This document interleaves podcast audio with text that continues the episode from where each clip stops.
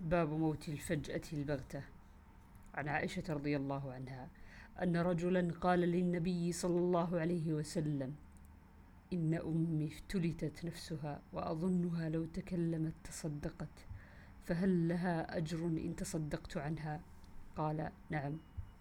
باب ما جاء في قبر النبي صلى الله عليه وسلم وأبي بكر وعمر رضي الله عنهم. قول الله عز وجل فأقبره أقبرت الرجل إذا جعلت له قبرا وقبرته دفنته كفاة يكونون فيها أحياء ويدفنون فيها أمواتا عن عائشة رضي الله عنها أن قالت إن كان رسول الله صلى الله عليه وسلم لا يتعذر في مرضه أين أنا اليوم؟ أين أنا غدا؟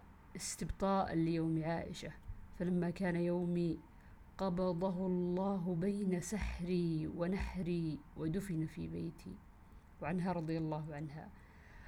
قال قال رسول الله صلى الله عليه وسلم في مرضه الذي لم يقم منه لعن الله اليهود والنصارى اتخذوا قبور أنبيائهم مساجد.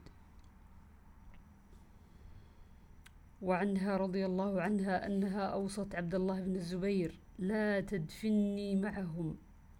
وادفني مع صواحبي بالبقيع لا أزكى به أبدا. وعن عمرو بن ميمون الأودي قال رأيت عمر بن الخطاب رضي الله عنه قال يا عبد الله بن عمر اذهب إلى أم المؤمنين عائشة رضي الله عنها فقل يقرأ عمر بن الخطاب عليك السلام ثم سلها أن أدفن مع صاحبي.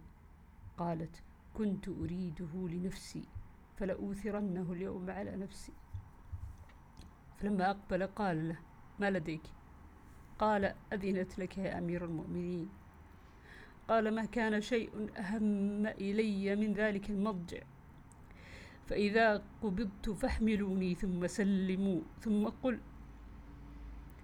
يستأذن عمر بن الخطاب فإن أذنت لي فادفنوني وإلا فردوني إلى مقابر المسلمين. إني لا أعلم أحدا أحق بهذا الأمر. من هؤلاء النفر الذين توفي رسول الله صلى الله عليه وسلم وهو عنهم راض. فمن الذين استخلفوا بعدي.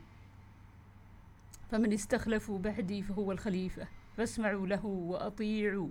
فسمى عثمان وعلي وطلحة والزبير وعبد الرحمن بن عوف وسعد بن أبي وقاص. ولج عليه شاب من الأنصار فقال أبشر يا أمير المؤمنين. ببشرى الله كان لك من القدم في من القدم في الإسلام ما قد علمت ثم استخلفت فعدلت ثم الشهادة بعد هذا كله. فقال ليتني يا ابن أخي وذلك كفافا لا لي ولا علي. أوصي الخليفة من بعدي بالمهاجرين الأولين خيرا أن يعرف لهم حقهم وأن يحفظ لهم حرمتهم. وأوصيه بالأنصار خيرا الذين تبوأوا الدار والإيمان أن يقبل من محسن أن يقبل من محسنهم ويقبل من محسنهم ويعفى عن مسيئهم وأوصيه بذمة الله وذمة رسوله صلى الله عليه وسلم أن يوفى لهم بعهدهم وأن يقاتل من وراءهم وأن لا يكلفوا فوق طاقتهم. باب من ينهى من سب الأموات. عن عائشة رضي الله عنها قالت قال النبي صلى الله عليه وسلم لا تسبوا الأموات فإنهم قد أفضوا إلى ما قدموا. باب ذكر شرار الموتى. عن ابن عباس رضي الله عنه قال قال أبو لهب لعنه الله للنبي صلى الله عليه وسلم. تبا لك سائر اليوم. فنزلت تبت يدا أبي لهب وتب.